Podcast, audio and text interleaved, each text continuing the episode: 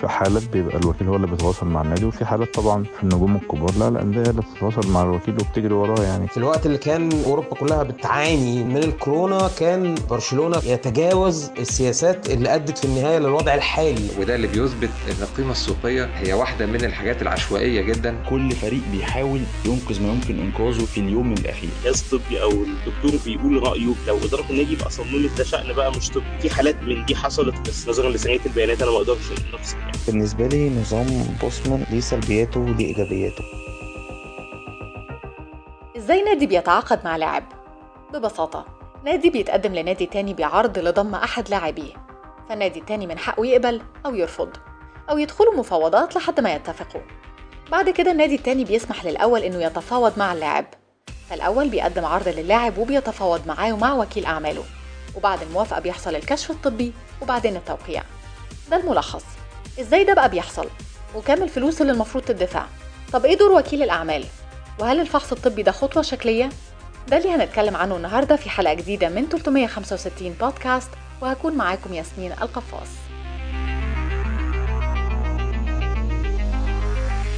موقع Transfermarkt الشهير هو الأبرز عالميا في تحديد القيمة السوقية للاعبي كرة القدم لكنه بالأساس مش كيان احترافي أو جهة رسمية لتحديد الأسعار ورغم كده في أندية بتعتمد على القيمة السوقية المذكورة على الموقع في عمليات بيع وشراء اللاعبين. وفي الحقيقة الموقع بيعتمد على آراء شخصية أكتر من المعايير العلمية اللي بتستخدم في أماكن تانية زي KPMG و CIE وده اللي هيكلمنا عنه الصحفي الرياضي محمد بدوي. لو حبينا نرصد العشوائية في كرة القدم فبالتأكيد عملية تحديد القيمة السوقية للاعبين هتكون واحدة من أهم الأشياء الملفتة لإبراز هذه العشوائية. ده لأن العملية بيكون فيها أكثر من متغير وعدد المتغيرات الكتير دي لا يمكن لأحد الأطراف إنه يسيطر عليه بشكل كامل. وبالتالي بيجي التطرف وبيظهر الغرابة في الأسعار ما بين صفقة والتانية.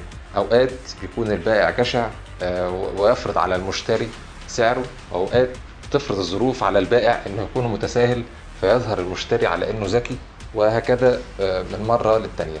في قصص كتير بتثبت قد إيه الموضوع عشوائي وقد إيه الموضوع بيبقى فيه تغير من صفقة للتانية. مثلا في ال Premier League كان في صفقتين ممكن نبص عليهم.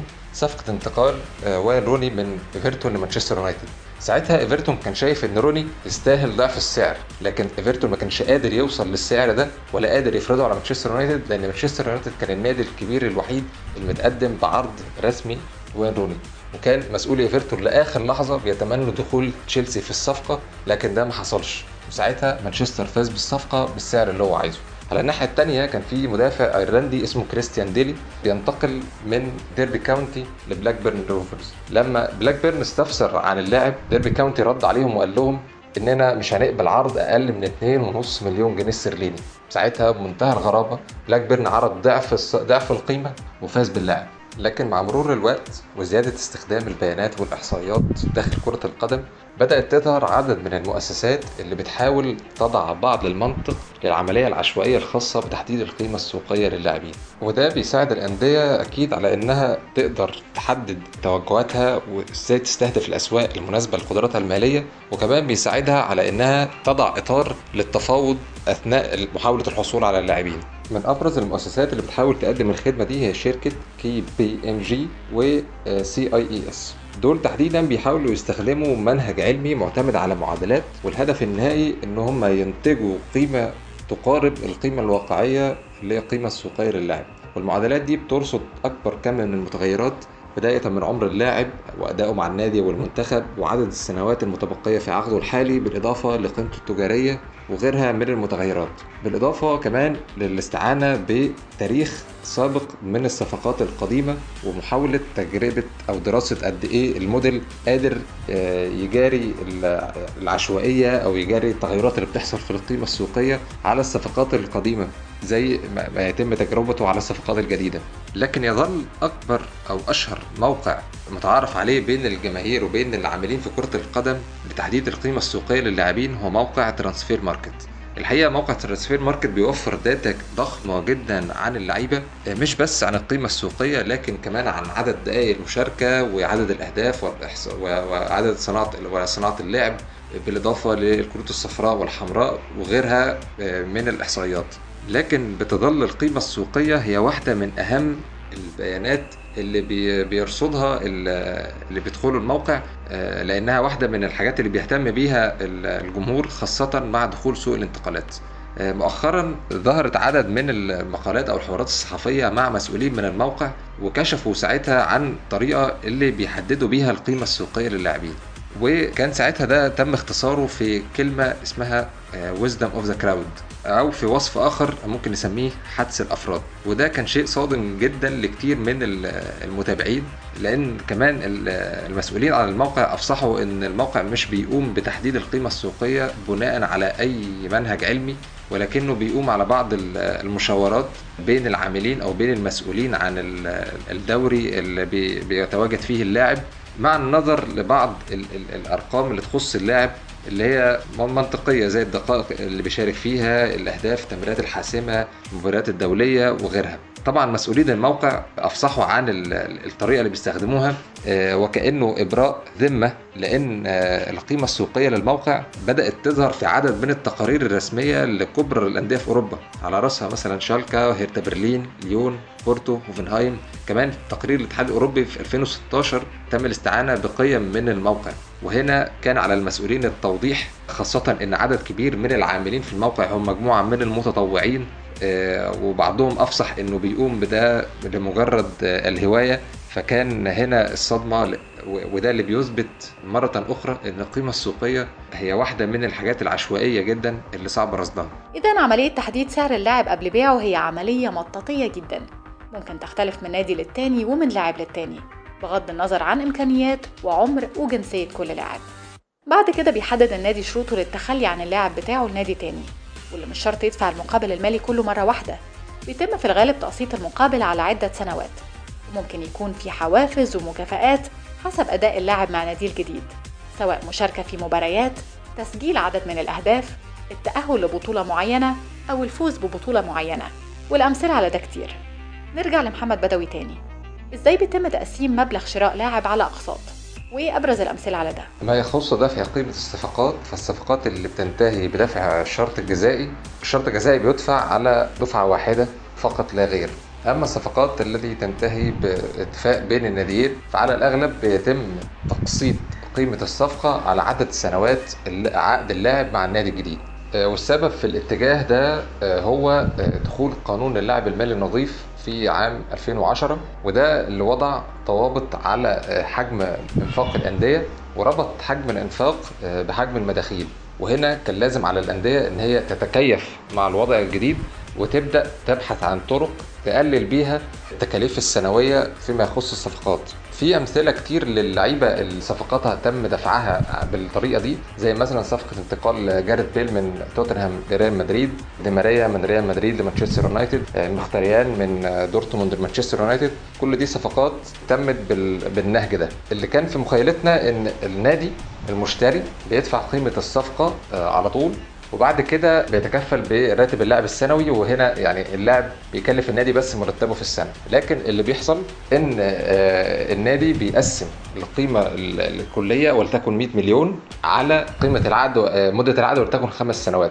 فهنا هو بيدفع 20 مليون في السنة. ال 20 مليون دي هتضيف عليها مرتب اللاعب. تقدر تعرف التكلفة اللي كلفها اللاعب للنادي اللي اشتراه. وفي حالات كتير بيتم بيع اللاعب قبل ما مدة عقده تخلص. وهنا بيبقى بيتخلص النادي من التكلفه اللي تخص المرتب السنوي وبيتبقى التكلفة اللي تخص الأقساط. وساعتها بيبقى في أقساط قصاد أقساط لأن النادي هنا اشترى من نادي ثم باع لنادي آخر. فبنفس الطريقة بتتم الحسبة. وده على الأغلب بيخفف حجم الخسارة اللي ممكن يتعرض لها النادي لو باع اللاعب بثمن أقل. والأهم من كده زي ما قلنا إن التكلفة السنوية للعيب يعني الرقم اللي هيتحط في الميزانية السنوية هيكون أقل. يعني إحنا المثال اللي إحنا فرضناه قلنا 100 على 5 20 فال 20 ده رقم أقل بكتير وأفضل بكتير من 100 وده طبعا اللي بيسهل للنادي ممكن لو طبقناه على مفهوم مثلا آه، خبر رصد أحد الأندية لمبلغ وليكن 200 مليون كميزانية تعاقدات في سوق الانتقالات. هنا ال 200 مليون دول لو أنت طبقت طريقة استخدامهم بالمفهوم اللي إحنا بنقوله فده معناه إن النادي آه، يملك القدرة على شراء عدد أكبر من اللعيبة في تصنيف أعلى مش هيجيب آه، لعيبة قليلة. المكافآت والشروط مش بس بتكون حسب أداء اللاعب ولكن كمان بتمتد لحد ما يتباع.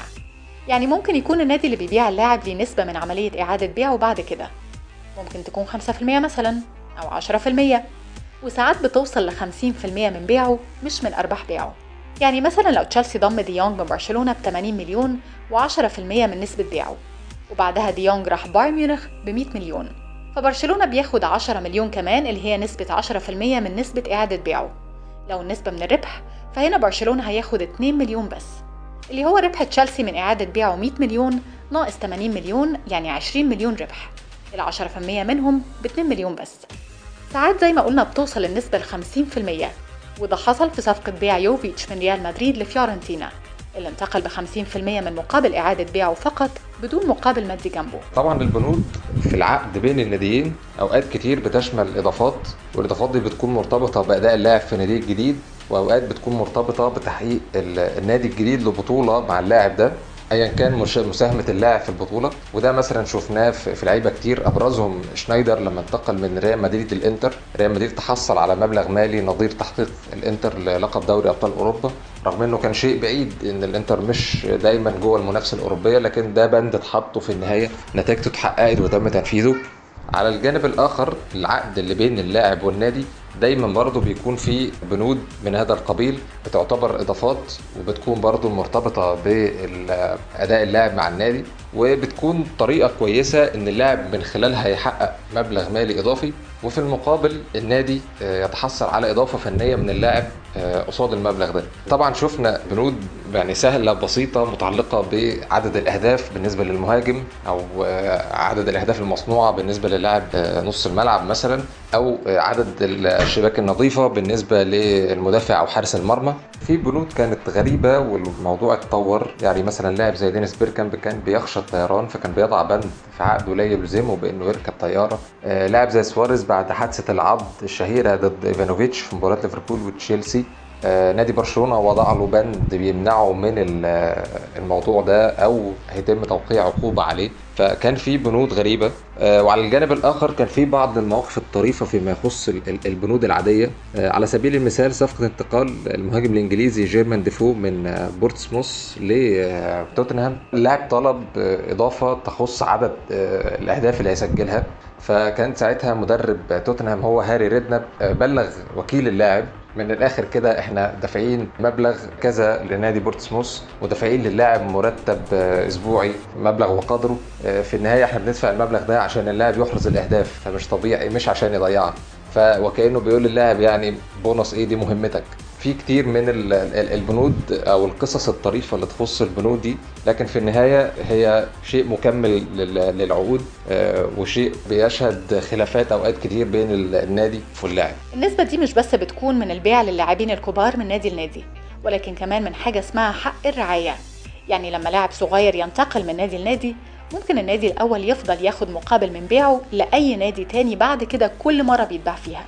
زي ما حصل مع أحمد حسام ميدو لاعب منتخب مصر السابق لما مشي من الزمالك وهو صغير في السن واحترف في جنت البلجيكي وفضل الزمالك يكسب من وراه ماديا. المكافآت والشروط مش بتبقى بس في عملية البيع من نادي لنادي ولكن كمان في تعاقد النادي مع لاعبه الجديد. يعني مثلا الصفقة الأغلى في التاريخ نيمار دا سيلفا. باريس سان جيرمان ما دفعش 222 مليون بس في مقابل الحصول على نيمار من برشلونة أو كسر عقده ودفع قيمة الشرط الجزائي. ولكن المبلغ اللي اتدفع أكبر من كده بكتير لأن باريس سان جيرمان دفع لنيمار نفسه عقد سنوي مقابل تقارير قالت 40 و 48 مليون يورو قبل الضرايب ولمدة خمس سنين وتقارير قالت أكتر في العقد الجديد غير النسبة لوكيل أعماله اللي هو أبوه وجهات تانية خدوها لتسهيل الصفقة عشان نيمار يبقى لاعب في باريس سان جيرمان بغض النظر عن المردود اللي قدمه في الخمس سنين اللي لعبهم مع النادي لكن في نقطة حصلت وهي أن مقابل المبالغ دي باريس سان جيرمان اتفق مع اللاعب أن النادي يكون ليه كامل حقوق الصور الحصرية المرتبطة بنيمار يعني إيه؟ ده اللي هيشرحه لنا الصحفي الرياضي محمد محمود عبد الرحمن كلمة حقوق الصور قبل ما نتكلم عن موضوع باريس سان جيرمان واتفاقه مع نيمار فيها لغط كبير جدا عشان ناس كتيرة فاكرة إن حقوق الصور يعني صور بس اللي هو أنا صورة لعيب أو حاجة. لأ الصورة دي بمعناها مختلف تماما ال- الواجهة بتاعته حركة بيعملها طبعا الصور بتاعته توقيعه الإعلانات اللي بيظهر فيها. الحاجات دي كلها هي دي صورة اللعيب اللي هي حقوق الصور. حقوق اللعيب ذات نفسه في أي شيء هو بيعمله متعلق بكرة القدم أو حتى بعيدا عن كرة القدم لو كان بيعمل مثلا إعلانات أو كده.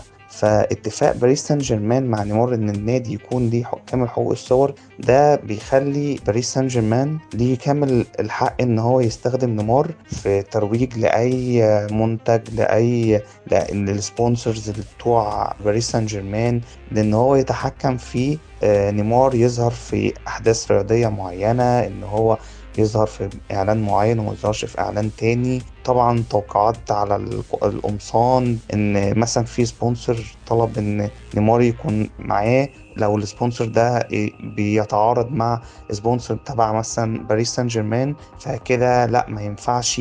يعني من الآخر بيتحكم في كل شيء ليه علاقة بنيمار بالصورة بتاعت نيمار اللي هو ال image بتاعت نيمار ذات نفسها. فطبعا بالنسبة لنيمار ده إيه، عملها تحت مثلا ضغط عشان خاطر يستمر مع النادي ولا لأ. ولكن الم- المستفيد الأول والأخير بالنسبة للموضوع ده طبعا هو باريس سان جيرمان عشان كده نيمار مش هيكون ليه حق إن هو يتصرف في شكله أو الترويج لنفسه بأي شيء خالص. لازم في الأول والأخير يرجع للنادي قبل ما يعمل أي حاجة. إلا طبعا لو عمل حاجة طبعا بعيدا عن النادي هيبقى طبعا فيها غرامة كبيرة. كل لاعب بيعتبر علامة تجارية في حد ذاته. ظهور صورة اللاعب أو استخدام اسمه أو حتى طريقة احتفاله أو أي شيء بيدل على اللاعب ده كله بيقع تحت بند حقوق الصورة. وبالتالي أي استخدام لصورة نيمار أو اسمه أو أي عمل دعائي بيظهر فيه وكل شيء متعلق بيه بيعمل فلوس لباريس سان جيرمان كريستيانو رونالدو عقده مع ريال مدريد كان بينص على حصول اللاعب على 60% من حقوق صورته والنادي بيملك ال 40% الباقيين. فلما يتم استخدام صورة احتفال رونالدو في فيلم دعائي أو لعبة إلكترونية أو غيره بيحصل رونالدو على نسبة من العائد ده وريال مدريد على نسبة تانية. أما في حالة نيمار فالنادي بيحصل على كل العوائد.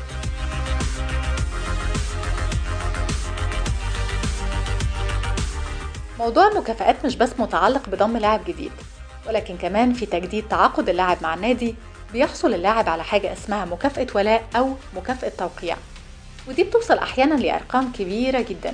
على سبيل المثال العقد الأخير اللي وقعه كيليان امبابي مع باريس سان جيرمان حصل اللاعب فيه على رقم تقارير قالت إنه وصل ل 150 مليون يورو مكافأة توقيع وتقارير قالت 300 مليون يورو والأرقام بتتضارب. غير حصوله على 150 مليون يورو مرتب في ثلاث سنين بواقع 50 مليون يورو في الموسم خالصة الضرائب وبخلاف حصول اللاعب على 100% من نسبة حقوق صورته طول الثلاث سنين. أرقام ضخمة بتدفعها الأندية خلت المنافسة في الميركاتو تبقى صعبة جدا على أندية كبيرة حتى في أوروبا وده خلى أندية كبيرة وغنية تبدأ تتجه للاعبين المجانيين ريال مدريد بطل أوروبا ضم روديجر مجانا بعد ما عقده خلص مع تشيلسي وده كان بعد نجاح تجربة ضم ألابا مجانا الصيف اللي قبله صحيح الاتنين خدوا مكافأة تعاقد كويسة ولكن في النهاية التعاقد كان مجاني. برشلونة ضم كريستنسن وكيسي مجانا من تشيلسي وميلان وقبلهم كان أوباميونج عشان المشاكل المادية اللي عند برشلونة. لكن في نفس الوقت النادي بيدفع 50 مليون في ليفاندوفسكي اللي عنده 33 سنة وفاضل سنة في عقده مع بايرن ميونخ. صفقة كانت غريبة في الوقت اللي برشلونة بيعاني فيه اقتصاديا زي ما اتكلمنا في بودكاست سابق. بس إزاي بقى بيتم التعاقد مع لاعب مجانا كلنا نعرف مصطلح بوزمان rule. ولكن مين هو جون مارك بوسمان وأبرز الأمثلة للاعبين مشيوا وفقا لبوزمان rule محمد محمود عبد الرحمن هيقول لنا. آه، جان مارك بوسمان هو لاعب خط وسط بلجيكي. آه، مسيرته الكروية ما كانتش أحسن حاجة في الدنيا. يعني يعتبر لاعب سبع سنين. أهم الأندية اللي هو لعب ليها كان ستاندرد ليج ما لعبش حتى كتير يعني أقل من 90 مباراة في خلال خمس سنين أو ست سنين. ولكن شهرة مارك بوسمان كانت في بداية 1990 لما كان حابب يمشي من الفرقة بتاعته. بعد طبعا ما انتهى عقده ولكن الفرقة بتاعته رفضت إن هو يمشي. كانت عايزة فلوس عشان خاطر ينتقل للفريق التاني كان فريق فرنسي اسمه دانكريك. فمن هنا بقى بدأت شهرة مارك بوسمان إن هو آه، رفع قضية ضد النادي بتاعه. بيتكلم إن هو لازم يكون ليه حق إن هو يقرر مصيره. يعني هو عقده انتهى فهو عايز يمشي من النادي ويروح نادي تاني بدون ما يكون فيه مقابل مادي ما بين الناديين. وبالفعل في 1995 القانون صدر يحق لأي لعيب إن هو يمشي من النادي بتاعه بعد انتهاء عقده ويحق ليه برضه إن هو يتعاقد مع نادي آخر يعني في آخر ست شهور في عقده. بالنسبة للعيبة الأشهر يعني لعيبة رحلوا بقانون بوسمان طبعا بكل تأكيد كان أول واحد هو الهولندي إدجار ديفيدز اللي هو يعتبر أول لعيب استخدم قانون بوسمان في الرحيل عن ناديه وبالنسبة لأبرز أمثلة اللاعبين مشوا بنظام بوسمان طبعا لازم نذكر الهولندي إدغار ديفيدز اللي هو يعتبر أول لعيب مشي بنظام بوسمان الكلام ده كان في صيف 1996 لما انتهى عقده مع أياكس. قرر إن هو ينتقل لميلان. وبرضه أكيد لازم نتكلم عن ديفيد بيكهام اللعيب الإنجليزي أسطورة مانشستر يونايتد ونجم ريال مدريد السابق. في 2007 انتهى عقده مع ريال مدريد وقرر إن هو ينتقل لوس أنجلوس جالاكسي. وبرضه ممكن نقول كامبل اللي هو كان قائد توتنهام ونجم من نجومه في 2001 كانت صدمة للكل إن هو قائد السبيرز ينتقل للغريم التقليدي اللي هو أرسنال في صفقة انتقال حر. والسنة دي في الصيف ده الفرنسي بول بوجبا اللي راح على مانشستر يونايتد وراح يوفنتوس. وطبعا أكيد لازم نتكلم عن ليونيل ميسي اللي هو الصيف اللي فات بعد انتهاء عقده مع برشلونة. قرر إن هو يسيب الفريق بسبب المشاكل المادية اللي كانت في الفرقة وقرر إن هو يروح باريس سان جيرمان طيب محمد من وجهة نظرك هل بوزمان rule فاد الأندية وصناعة كرة القدم عامة بأنها دلوقتي تقدر تتعاقد مع لاعبين مجانا ولا في نفس الوقت ما حفظش حق الأندية في لاعبين ممكن يتمردوا ويرفضوا التجديد؟ بالنسبة لي نظام بوسمان أو قانون بوسمان ليه سلبياته وليه إيجابياته ولكن من وجهة نظري إن إيجابياته أكبر من سلبياته على أقل تقدير إن هو إدى لل... للعيب الحق إن هو يقرر مصيره سواء إن هو يجدد عقده مع الفرقة أو يرحل بشكل مجاني. وحاجة تانية إن هو إدى نقطة قوة بالنسبة لأندية الوسط سواء مثلا في ألمانيا أو في فرنسا أو في إيطاليا. الدوريات اللي فيها أندية ما بتقدرش إن هي تدفع كتير في سوق الانتقالات. فدلوقتي ممكن أي نادي يتعاقد مع تلات وأربع وخمس لعيبة بدون ما يدفع جنيه واحد يعني اللي هو الموضوع بقى سهل إن هو يبص مثلا في السوق على اللعيب اللي هو انتهى عقده ويحاول معاه ومع وكيل أعماله إن هو يخلص معاه بحيث إن هو ما يدفعش أي فلوس. ممكن يدفع مثلا راتب أعلى شوية ولكن هو هيوفر مثلا الفلوس اللي كان ممكن يدفعها مثلا في الصفقة دي. كذلك برضو الأندية الكبيرة اللي ممكن تطلع مثلا بصفقة قوية بدون ما تدفع أي مقابل زي مثلا ليونيل ميسي اللي هو مشي من برشلونة الصيف اللي فات وراح باريس سان جيرمان مجاني. دي طبعا من الحاجات اللي ممكن تتقال عليها إيجابية إن هي الأندية ممكن تستفيد منها. طبعا في سلبيات السلبيات إن إن مثلا في لعيبة كتير بتتمرد وما بترضاش تجدد عقدها عشان خاطر تمشي مجاني زي ما حصل مع بول بوجبا الصيف ده. ال season اللي فات مانشستر يونايتد بيحاول مع بوجبا بشتى الطرق إن هو يجدد عقده. على الأقل موسم كمان ولكن اللعيب كان بيماطل ما كانش بيراضي يجدد عقده. وانتهى الأمر إن هو رحل على مانشستر يونايتد مجانا بدون أي مقابل لنفس النادي اللي هو أصلا سابه من كذا سنة. هي ليها سلبيات ولكن إيجابياتها أكتر خصوصا كمان ان إن اللعيب لو كان قانون بوسمان ده ما اتعملش أصلا كان في لعيبة كتيرة جدا ممكن مشوارها بالكروي ينتهي يعني ممكن مثلا لعيب زي كامبل ده مثلا اللي هو عقده خلص مع توتنهام في 2001 وما كانش عايز يكمل مع الفرقة وكان نفسه إن هو يخوض تجربة في مكان تاني اللي هو أرسنال اللي هو الفريق الغريم التقليدي. كان ممكن إدارة توتنهام وقتها مثلا ترفض إن هو يمشي وقعده في ال... في النادي ويتدرب مع الناشئين و... و... ويكون كامبل ده يكون مصيره زي مثلا مصير بوسمان. طيب بعد إرساء قاعدة بوزمان كان في تحديد مواعيد الانتقالات بفترتين سنويا.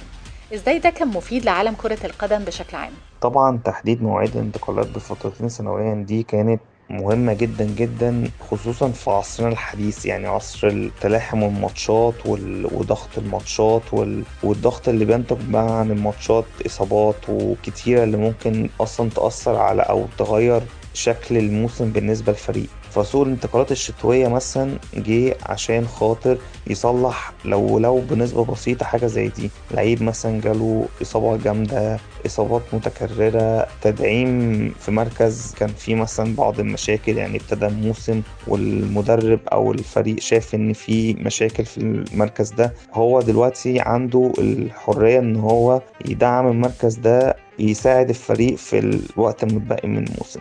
طبعا السوق الانتقالات الشتوية مش بقوة وإثارة سوق الانتقالات الصيفية ولكنها في نفس الوقت بتساعد الفرق إن حصل لها مثلا دروب أو أو محتاجة تدعيم في مركز أو تعرض أكتر من لعيب للإصابة تساعد نفسها إن هي تتعاقد مع لعيب أو اتنين يساعدوا الفريق إن هو يكمل الموسم بالشكل اللي هو مثلا ابتدى بيه. إن يكون في فترتين انتقال دي بالنسبة للعصر اللي إحنا فيه بضغط الماتشات اللي موجود بالإجهاد اللي ممكن يصيب اللعيب خصوصا مثلا في دوري زي الدوري الإنجليزي أوقات ال Boxing Day والحاجات اللي زي دي مع تلاحم بقى الماتشات الدولية وحاجة كمان زي كأس العالم اللي هو هيتلعب مثلا في شهر نوفمبر. الحاجات دي كلها كانت فعلا محتاجة إن يكون في فترتين انتقال عشان خاطر الأندية تساعد نفسها إن هي تحسن من جودتها أو حتى إن هي تتعاقد مع لعيبة بديلة للناس مثلا إن هم مجهدين أو مصابين أو كده.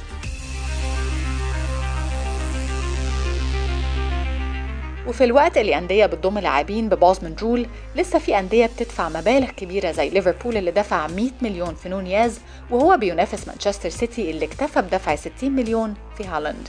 يعني يورجن كلوب وليفربول اللي معروف عنهم بأنهم بيختاروا صفقاتهم كويس وبيعرفوا يتفاوضوا ويجيبوا لاعبين بإمكانيات عالية دفعوا مبلغ كبير ممكن يكون حاجة زي panic buy أو صفقة شراء سريعة خوفا من النادي بعد اقتراب رحيل ساديو ماني واللي مشي فعلا لبايرن ميونخ.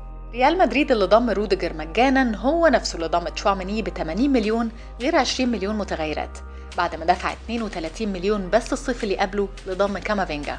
بس رغم كل الفلوس اللي بتدفع دي فالتقارير بتقول إن في عام 2020 مثلا أكتر من 32% من صفقات الانتقال في الدوريات الخمسة الكبرى في أوروبا كانت صفقات انتقال حر وده رقم كبير لأن الأندية في دوريات وضعها المالي أقل أكيد بتعمل صفقات انتقال حر أكتر. في سنة 2021 أندية الدوريات الأوروبية الخمسة الكبرى عملت صفقات إعارات بنسبة 48% 30% من صفقاتها بس كانت بمقابل مالي و22% صفقات انتقال حر. ودي نسبة كبيرة زي ما قلنا. وضع مالي ربما ما يستمرش كتير. وممكن يبدأ الاقتصاد الكروي العالمي يتعافى بعد كورونا. وممكن مع الوقت نرجع تاني للمبالغ الضخمة أكتر من صفقات الانتقال المجانية. ومش بعيد لو حصل ده خلال السنين اللي جاية نشوف صفقة بمقابل يكسر رقم نيمار مع باريس سان جيرمان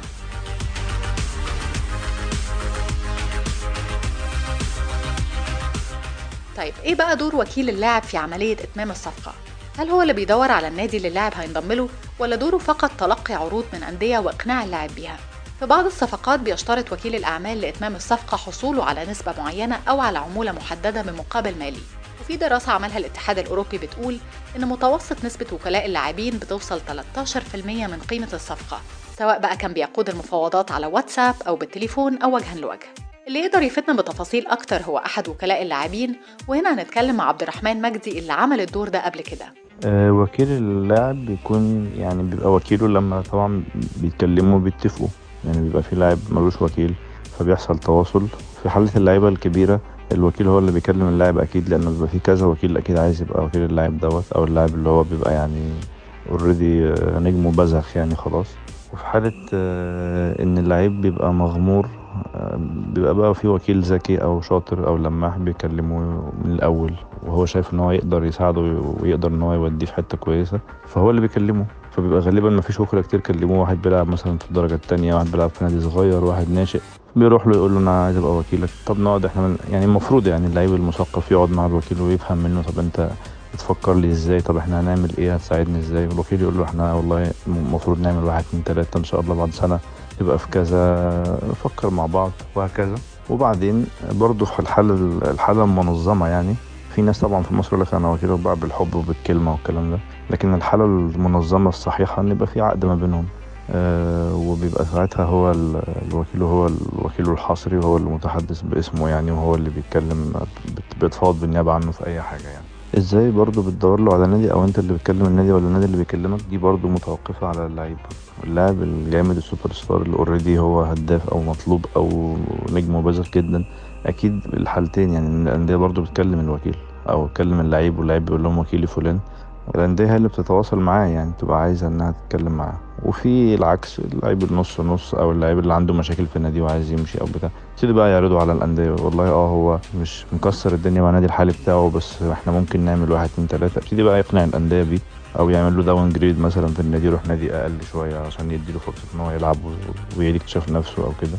التواصل ما بين النادي والوكيل في حالات بيبقى الوكيل هو اللي بيتواصل مع النادي وفي حالات طبعا في النجوم الكبار لا الأندية هي اللي بتتواصل مع الوكيل وبتجري وراه يعني كمان. الكرة اتغيرت بقى بدخول الوكلاء يعني المفروض إن الوكلاء يبقوا نقطة تنظيمية يعني والمفروض إن الكرة تتطور بيهم وفي وكلاء فعلا بيساعدوا الأندية فعلا وبيبقوا نقطة تحول في النوادي يعني وبيخلوا النوادي تعمل فرق كويسة وتساعدها. وفي وكلاء طبعا بتبوظ الدنيا و... وبتشتت اللعيبة وبتدمر الفكرة كلها أصلا وبتسوق أصلا سمعة الشغل ده يعني عموما. ففي العالم المثالي يعني الدنيا لما تبقى مظبوطة أكيد الوكلاء حاجة كويسة ومساعدة جدا جدا إن اللعيب يفكر أحسن وإن النادي يفكر أحسن ويبقوا هم حلقة ربط شوية. لكن لما الوكيل بيبقى تجاري بحت يعني هو لا لازم يبقى انت ليك جانب مادي ولازم يبقى ليك جانب برضه ان انت بتساعد اللعيب بتاعك وبتساعده للأحسن مش. مش اللي يكسبك أكتر بس بتبني له مستقبله وبتفكر معاه مستقبله فهي المفروض إن الايجنت يعني أو الوكيل بيبقى حاجة كويسة بس طبعا لو الشخص وحش زي أي حاجة في الدنيا فيها الكويس وفيها الوحش لو الشخص مش كويس فبيبقى عامل سلبي يعني طيب إزاي بيتم تحديد مقابل الصفقة وقيمة اللاعب؟ موضوع إنك بتعلي سعر اللاعب طبعا ده يعني في طرق مظبوطة في طرق مش مظبوطة. ومن من أسهل الطرق اللي مش مظبوطة يعني الميديا والإعلام وتسريب أخبار وكلام من ده وده بيحصل يعني في العالم كله مش في مصر بس يعني.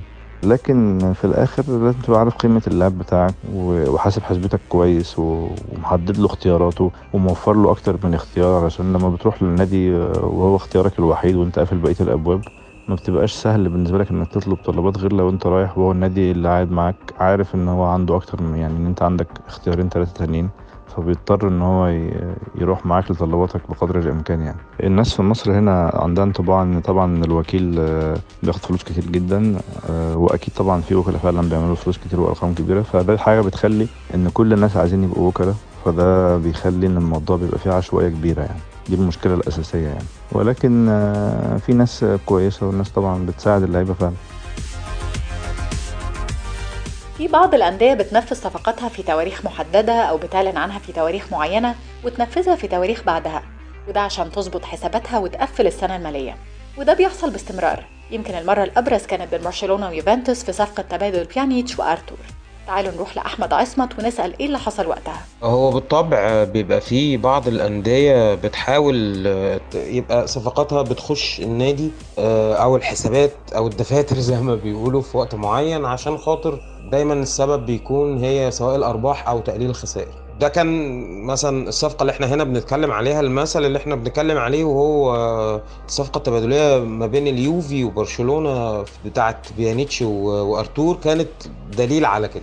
في الوقت اللي كان النادي الأندية في عموما أوروبا كلها بتعاني من من من من الكورونا كان برشلونة في الأصل يتجاوز السياسات اللي أدت في النهاية للوضع الحالي للنادي.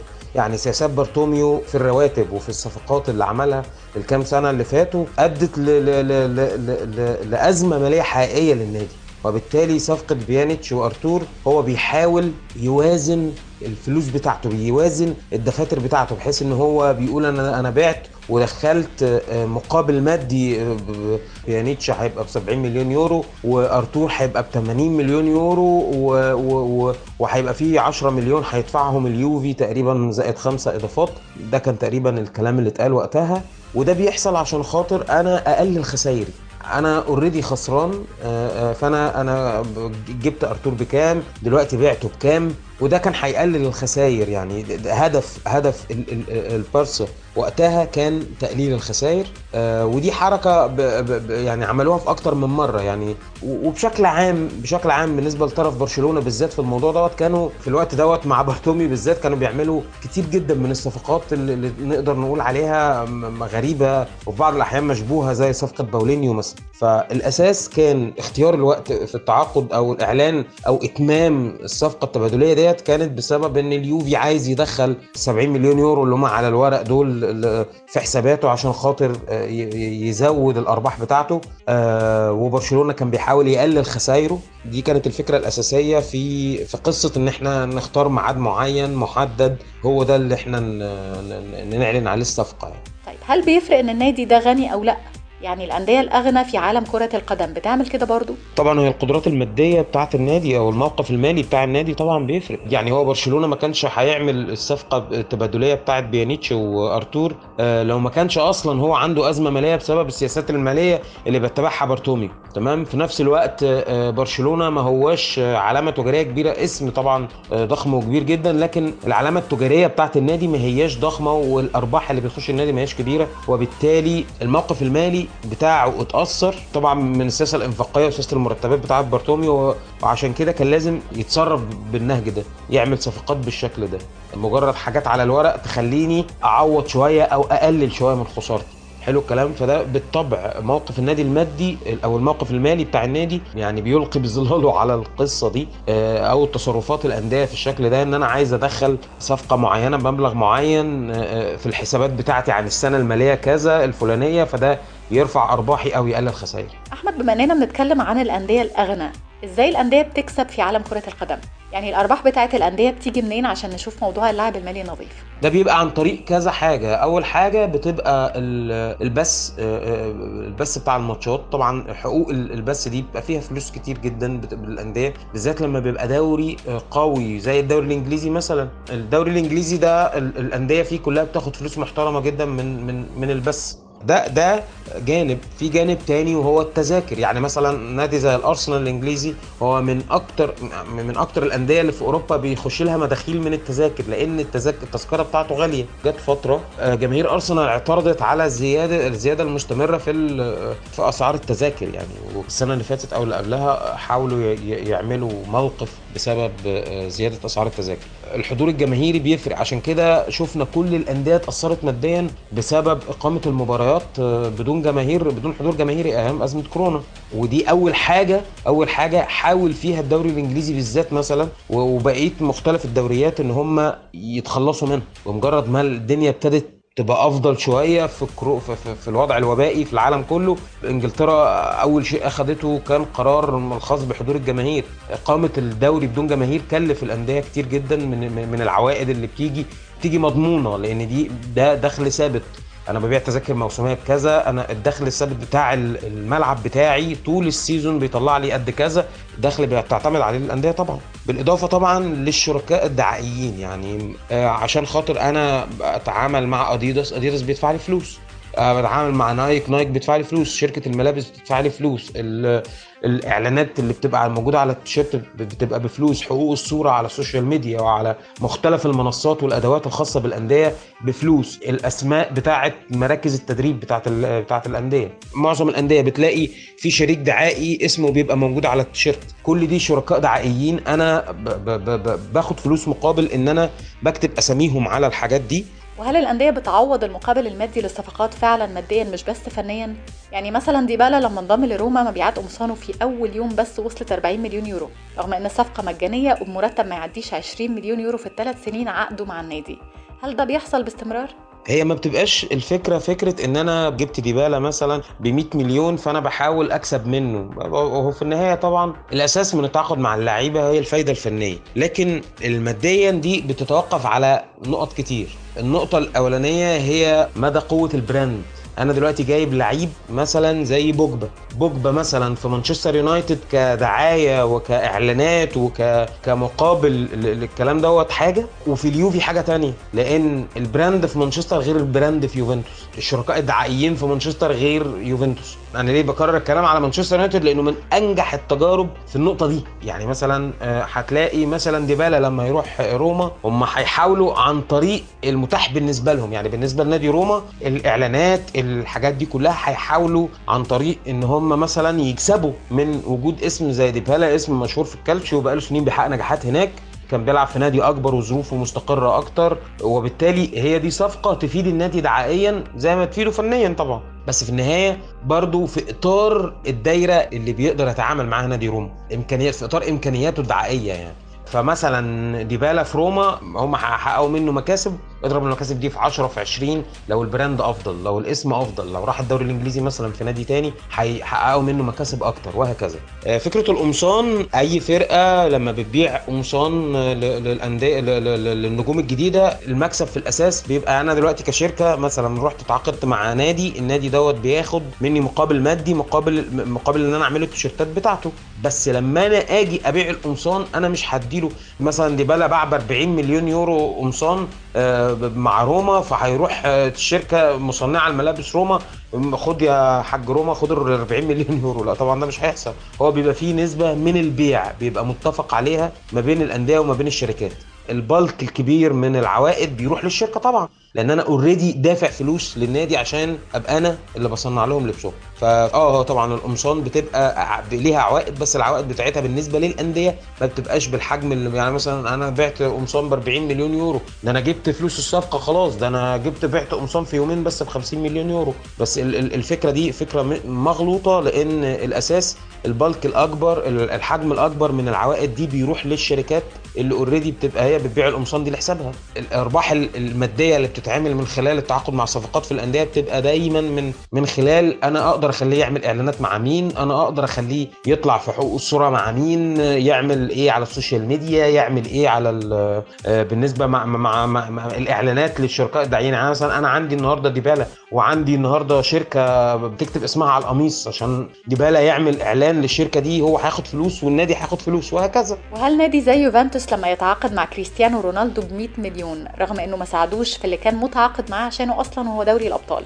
هل قدر يعوض ده ماليا؟ طبعا حتى بالنسبة لكريستيانو رونالدو طبعا لما أنا بكون متعاقد مع كريستيانو رونالدو ده بي بي بيديني قوة دعائية كبيرة. يعني أنا مثلا لو أنا زي مثلا زي موقف ديبالا وروما آه، النهارده روما جاب ديبالا. هل روما لو ما كانش جاب ديبالا وكان جاب مثلا آه، رونالدو كريستيانو فهل ده هيفرق معاه في الدعاية آه طبعا هيفرق في الدعاية ما فيهاش كلام. بس في النهاية برضو الأساس النادي قد إيه ال brand بتاعه ال brand هيبيع هم هيقدروا يستخدموه إزاي؟ فهل اليوفي قدر يكسب من رونالدو؟ توقعي صعب. رونالدو صفقة كانت جاية ب 100 مليون 100 مليون يورو غير مرتب رونالدو غير حاجات كتير جدا هتبقى أكيد في عقده من بونص ومرتب صافي حاجات كتير جدا غير الضرايب غير غير غير. الكالتشو عموما ما هواش واليوفي برضو هل هو ال brand اللي يقدر يحقق من صفقة بالحجم ده؟ أرباح تتخطى الفلوس دي؟ أعتقد إن ده مش سهل. اليوفي اضطر يبيع كريستيانو واضطر يمشيه. لأنه ما بقاش قادر يدفع المرتب دوت وبالتالي آه، رونالدو كان بياخد حوالي 30 35 مليون يورو سنوي تقريبا كمرتب. في اليوفي أول واحد بعديه على طول كان بياخد 11 أو كان بياخد 10 في الفرق التفاوت الرهيب ده مع أصلا أزمات الأندية الإيطالية مع لما تيجي تبص مثلا على حقوق آه الكالتشيو نفسه حقوقه قد إيه إزاي ما قدروش إن هم يبيعوا حقوق بتاعه بس المباريات لشبكة كبيرة وما قدروش يحققوا أرباح كبيرة منها فاضطروا إن هم يذيعوا على اليوتيوب. هل كل دي تركيبة تقول لك إن آه مع brand اليوفي؟ طبعا طبعا اليوفي نادي عظيم جدا وكبير جدا بس ال brand التجاري شيء له جانب. مع الأزمات اللي بتضرب الأندية الإيطالية كلها وحتى بيبان ده في السوق في سلوك الأندية في السوق. هل رونالدو حقق الفايدة المادية ديت لليوفي؟ لا ما أعتقدش. طيب أخيرا يا أحمد في حالة زي حالة باريس سان جيرمان. هل النادي بيدخل له مدخلات مالية من حقوق الصورة ومبيعات ال T-shirts وغيره الخاصة بلاعبين بحجم إمبابي ونيمار وميسي عشان يديهم المرتبات الضخمة دي؟ فكرة باريس سان جيرمان ومانشستر سيتي بالذات مختلفين شوية. الوضع بالنسبة لهم إن هنا في دولة آه، اللي هي قطر وهنا في الإمارات بيحاولوا إن هم يضخوا فلوس عن طريق شركاء دعائيين هم نفسهم برضه. وهي هي دي القصة. إن انت مثلا قطر Airways بتيجي ترعى باريس سان جيرمان ما بيبقاش زي لما الإمارات بتروح ترعى آه، الأرسنال. يعني لا طبعا القصة ما بتبقاش كده. يعني مثلا الأرسنال ده ملعب الإمارات وطيران الإمارات لما بيدفعوا فلوس بيدفعوا فلوس للأرسنال غير وضع إن باريس ياخد مثلا خطوط الجوال القطرية مثلا ويتحط على التيشيرت. طبعا آه، الفلوس تحقيق المكاسب عشان خاطر أقدر أنا أدفع مرتبات بالشكل ده آه، بالطبع لا. يعني ما أعتقدش إن في حقوق صورة ومبيعات وتيشيرتات آه، و brand باريس أصلا مش كبير عشان خاطر أنا أقدر أدفع المرتبات دي كلها؟ لا طبعا.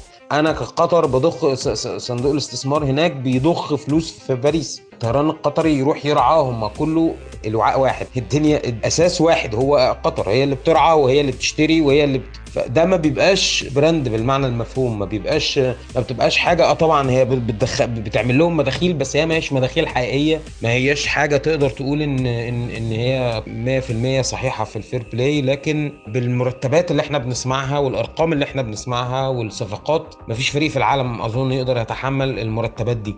هل باريس بيقدر عن طريق حقوق الصورة والتيشيرتات والكلام ده؟ لا أعتقد بالطبع الموضوع لازم يكون بعيد عن ال fair play بأميال. عشان خاطر يقدروا آه، يحتفظوا بالناس دي كلها وتحت أي ظرف من الظروف وتحت بأي حال من الأحوال الوضع بتاع النادي في إن هو يدفع الفلوس دي كلها يعني دي مش إمكانيات النادي الحقيقية ولا ديت فلوس بيتم ضخها من آه، قطر عشان خاطر هو يقدر ياخد الفلوس دي كلها طبعا يعني. فبالطبع وضع باريس نفسه بالذات كمان أكتر من السيتي لأن حتى إن كان الوضع مشابه من حيث المبدأ ما بين السيتي وباريس لكن طبعا ما حدش وصل للمرحلة بتاعت باريس دي خالص تحت أي ظرف في كرة القدم في التاريخ يعني ما ما حدش وصل للمرحلة دي خالص. ومفيش لعيبة كمان بتاخد كم المرتبات المفزع الرهيب دوت في نفس الوقت مع بعض. يعني في نفس الوقت كمية المرتبات دي مع بعض. في إيطاليا كان في لقطة شهيرة في يوم الديدلاين. اليوم اللي ممثلي الأندية كلهم بيجتمعوا في فندق يخلصوا كل الصفقات وهم مع بعض. ولما تيجي الساعة اللي بيتقفل فيها القيد بيتقفل الباب ومفيش حد تاني بيدخل أو صفقات بتتم. وفقط الصفقات اللي تم الاتفاق عليها بتتوثق وهي اللي بتحصل.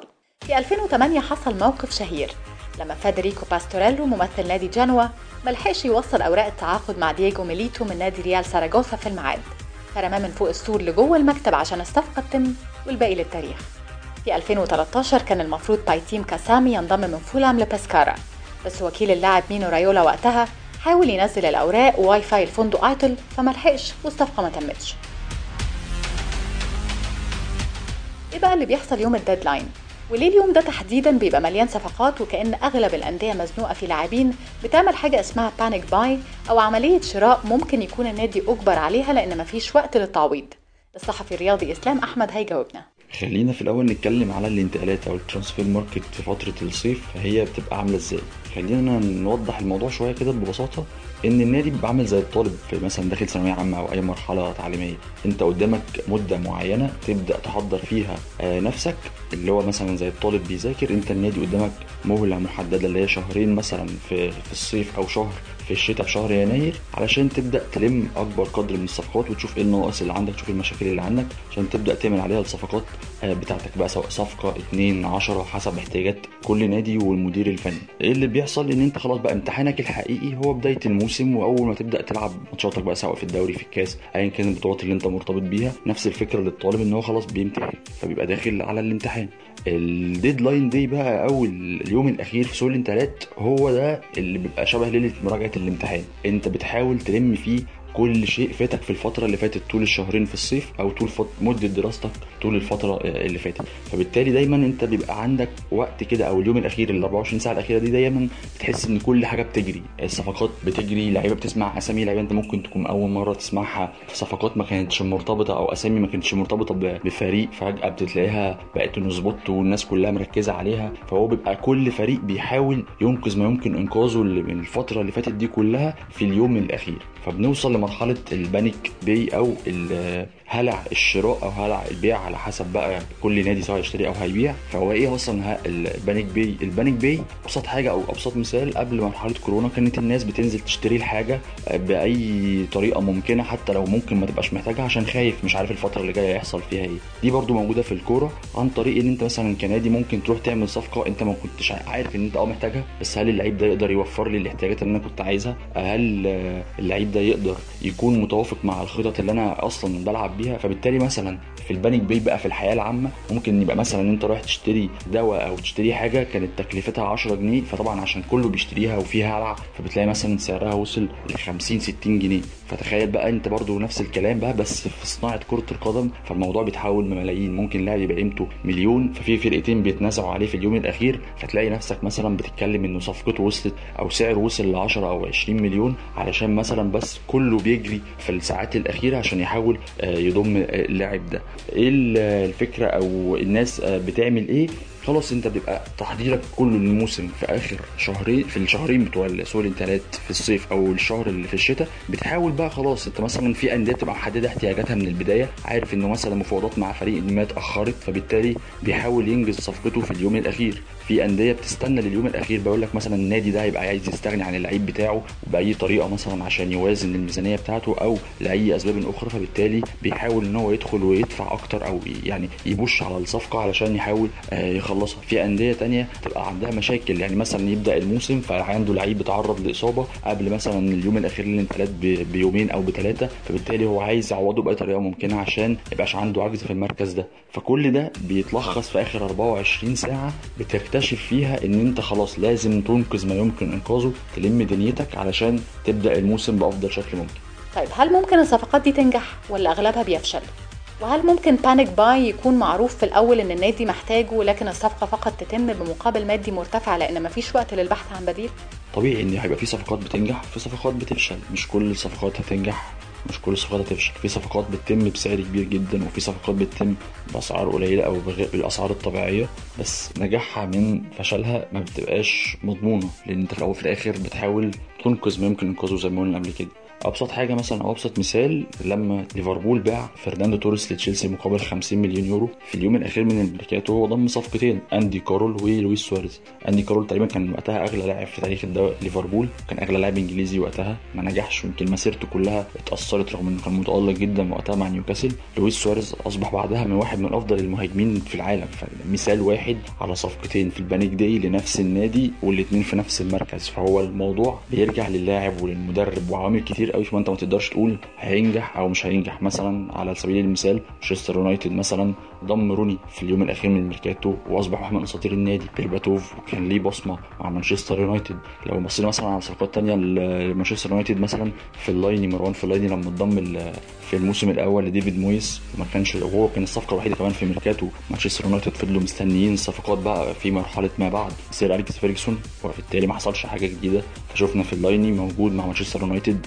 خصوصا إنه كان له تجربة سابقة مع مويس في إيفرتون وما نجحش وراح في الآخر آه، الصين رغم إن هو قعد ثلاث أو أربع سنين مع مانشستر يونايتد. برضه مثال على صفقة آه، panic buy مثلا في اليوم الأخير من الميركاتو واحد زي روبينيو. روبينيو في آه، 2008 على كلامه قال إن هو كان رايح مانشستر مدينة مانشستر بس مش عارف رايح لأي فريق. يعني أنت متخيل إن في لاعب بحجم روبينيو سنة 2008 هو مش عارف هو رايح فين. يعني أنا خارج من ريال مدريد ومسافر انجلترا مش عارف أنا رايح فين لدرجة إن كان في تقرير بتقول إن كمان تشيلسي كان موجود وقتها في الصفقة فهو ما كانش عارف إن هو هيروح مانشستر يونايتد هيروح تشيلسي هو رايح لفريق انجليزي بس مين الفريق ده؟ ما كانش يعرفه. لما تيجي برضو تبص على صفقات panic buy برضو مثلا عندك فريق زي أرسنال عمل صفقات panic buy كتير آه، جدا زي بارك جو, آه، تشو يونج مثلا في اليوم الأخير في الميركاتو. كيم كالستروم أندريه سانتوس كلها صفقات فشلت وما قدروش يعملوا بيها حاجة. لكن مثلا في المقابل أعتقد إن كان واحد زي مسعود أوزيل واحد من ابرز الصفقات اللي عملوها في اليوم الأخير من الميركاتو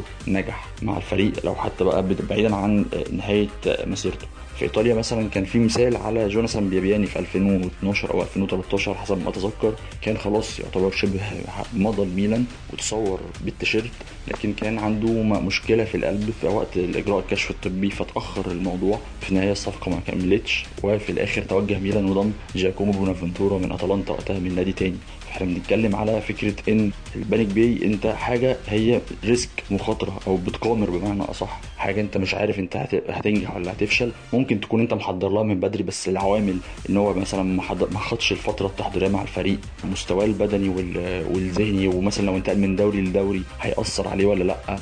حاجات كتير عوامل كتير. برضو فكرة إن ال panic buy مش لازم يكون مرتبط باليوم الأخير من الميركاتو. يعني كان في ناس اتكلمت عن فكره إن أنا عايز أشتري اللعيب الفلاني. فشفنا مثلا واحد زي فيليبي كوتينيو انتقل ب 135 مليون لبرشلونة مثلا من ليفربول بس في نفس الوقت كانت الصفقة عشان عليها ضغوط إعلامية كبيرة فالصفقة في النهاية تمت. اللاعب ما نجحش بالشكل المنتظر ففريقه خسر على الأقل مثلا برشلونة في آخر باعه ب 20 مليون. إحنا بنتكلم إن هو في ظرف ثلاث سنين خسر في لاعب واحد 100 مليون تقريبا. فهي ممكن ما تكونش مرتبطة باليوم الأخير أو أو هي طبعا الأبرز بيبقى اليوم الأخير عشان هو الأكتر يوم مزحوم بس هي الضغوط الإعلامية في السنين الأخيرة مع خلاص بقى إحنا بقى عندنا صحفيين متخصصين في الانتقالات في الوقت الحالي وأبرزهم طبعا فابريزيو رومانو ودي مارزيو فطبعا إحنا كل يوم بنشوف أخبار أخبار متعلقة ودايما متكررة عن الصفقات ممكن نشوف على اسم لاعب واحد بس أكتر من 10 15 خبر في اليوم وعلى تفاصيل بسيطة فبالتالي كل ده بيخلي ال- الدنيا تبقى أسرع أكتر. كمان برضو حتة الفحص الطبي وتخليص الأوراق الحاجات دي بتزود من المشاكل الفرق بتخوضها في آخر يوم. يعني مثلا في فرق كانت بتقيد صفقاتها الساعة 2 و3 بالليل. يعني يكون مثلا دخل ورقه في الثانية الأخيرة في ال system مثلا زي ما كان بيحصل في الدوري الإنجليزي. أعتقد ليوك ديونج في الصيف الماضي لما انتقل لبرشلونة على سبيل الإعارة من أشبيلية كان تم تقديم ورقه بس في الدقائق الأخيرة وتم الإعلان عن الصفقة تاني يوم تقريبا. أو بعدها بيومين إن هو كان خلاص شبه إن هو بس إحنا نعمل registration لورقه وبعد كده يبقى نشوف بقى موضوع أهم حاجة اللي هو ال system يعني. وبعد كده يبقى نشوف موضوع ال- الانتقال فهو دايما بيبقى فيه عوامل كتيرة في اليوم ده وبالتالي مش كل الفرق بتقدر تجزم اذا كانت الصفقة دي هتنجح أو هتفشل. إحنا قلنا أمثلة كتيرة في البداية فأعتقد إن أنت ما تقدرش تقول الصفقة دي هتنجح أو الصفقة دي هتفشل. أخيرا وبعد الاتفاق على كل شيء هل فعلا الفحص الطبي ممكن يوقف صفقات؟ في صفقات بالفعل وقفت بسبب الفحص الطبي. نبيل فكير من ليون لليفربول فان نيستروي من ايندهوفن لمانشستر يونايتد قبل ما ينتقل ليهم الصيف اللي بعده. ديمبا با فشل في مانشستر سيتي قبل ما يروح لويست هام وبعدها لتشيلسي. فيكتور فالديس لموناكو وباتريك شيك من سامدوريا ليوفانتوس وغيرهم كتير. على الناحية التانية في صفقات ممكن تتم بغض النظر عن نجاح الكشف الطبي أو لا. زي انتقال ميكائيل إيسيام من تشيلسي لميلان في يناير 2014 وقت ما كان موقف ميلان سيء في الدوري وتراجعوا للمركز ال11 ومحتاجين لاعب في المركز ده. وبعد ما اللاعب فشل في الفحص الطبي النادي عمل له فحص طبي تاني يوم ونجح فيه وانضم للفريق فعلا. إيه اللي بيتم بالظبط في الفحص الطبي؟ وهل هو إجراء روتيني ولا شيء مهم فعلا؟ ده السؤال اللي هتوجه بيه لدكتور محمد أبو العلا طبيب المنتخب المصري. بالنسبة للفحص الطبي اللي بيتم بالظبط في الفحص الطبي هو بيبقى بناخد تاريخ مرضي من اللاعب تاريخ مرضي بمعنى أسئلة ليها علاقة بالإصابات بتاعته قبل كده بالعمليات اللي عملها قبل كده حاجات ليها دعوة بالقلب بالتاريخ المرضي بتاع عيلته. يعني حاجات كلها ليها دعوة بالتاريخ المرضي. بعدين بيخضع لمجموعة من الأشعات والتحاليل. يعني روتين إن هو بيبقى أشعاعات بالرنين مغناطيسي على كل المفاصل الجسم تقريبا. وبيتعمل فحص آه، كلينيكي. عن طريق دكتور عظام متخصص يعني أو دكتور طب رياضي متخصص لازم يعمل فحص كلينيكي آه وفي الآخر خالص آه وبعدين طبعا بيتعمل فحص قلب دقيق بيبقى عبارة عن آه، رسم قلب ساعات رسم قلب المجهود بيتعمل كمان إيكو على القلب موجات صوتية على القلب. بعض الحالات دلوقتي بالذات بعد الكوفيد بيتعمل رنين على القلب. بعد كل ده بيتحط كله في file واحد وبيكون الرأي إذا كان اللاعب ده يقدر يمارس آه، كرة القدم على أعلى مستوى. ولا لا. آه هو مش روتيني بس يعني مش إن هو روتيني. آه طبعا هو روتيني بيتعمل المفروض لكل اللعيبة قبل بداية الموسم بس بالذات لما بيبقى في صفقات جديدة أو لعيبة جديدة بتنضم للأندية أو المنتخبات هو طبعا مهم جدا جدا. طيب دكتور إلى أي مدى ممكن نتيجة الفحص الطبي تكون مؤثرة في عملية إتمام التوقيع مع لاعب أو إنهاء الصفقة؟ يعني أكيد بتسمع كتير عن عن الصفقات ما ما نجحتش بسبب مشاكل في في الفحص الطبي. لأن يعني مش منطق إن إن نادي يشتري لاعب أو يتعاقد مع لاعب بعقد طويل مثلا. هو عارف إن عنده إصابة ممكن تتكرر أو ممكن تعطله عن اللعب وهكذا. وفي نفس الوقت في حاجات بتبقى إصابات بسيطة ما تعطلش. أكيد في في لعيبة تم التعاقد معاها وعندها إصابات بسيطة يعني بتتعالج وبيكملوا لعب عادي خالص. وهل ممكن نتيجة الفحص الطبي تطلع سلبية ولكن النادي يصمم على ضم اللاعب بغض النظر عن أي مشكلة تظهر؟ دايما بيبقى ال- الجهاز الطبي أو الدكتور بيقول رأيه بيكتب ال report بتاعه فيما يتعلق بالحالة الطبية للعيب يعني وهل يقدر ي perform ولا لأ. لو إدارة النادي بقى صممت أو حاجة دي يعني ده ده شأن بقى مش طبي خالص. في حالات من, دي حصلت آه في حالات من دي حصلت بس أنا نظرا لسريه البيانات أنا ما أقدرش أقول هي ما حصلتش معايا خالص. بس ممكن تكون حصلت في أندية بره مصر أو جوه مصر آه ممكن تكون حصلت بس طبعا ما أقدرش نفصح يعني. عملية الانتقال ممكن تبان سهلة. واحد بيشتري يروح لواحد بيبيع يديله الفلوس وياخد اللاعب وخلاص. ولكن الحقيقة الموضوع معقد أكتر من كده خاصة إن كرة القدم بقت صناعة بالمليارات. ومش هنبالغ لو قلنا إن بقى بيقوم عليها اقتصاد دول. وزي ما ده عمل سلبيات كتير لكن أكيد كان ليه إيجابيات كتير جدا. بكده نكون وصلنا لخط النهاية في حلقة النهاردة من 365 بودكاست كنت معاكم ياسمين القفاص وقولوا لنا رأيكم هل ممكن نشوف في السنين اللي جاية صفقة بتكسر الرقم القياسي لصفقة نيمار ب 222 مليون؟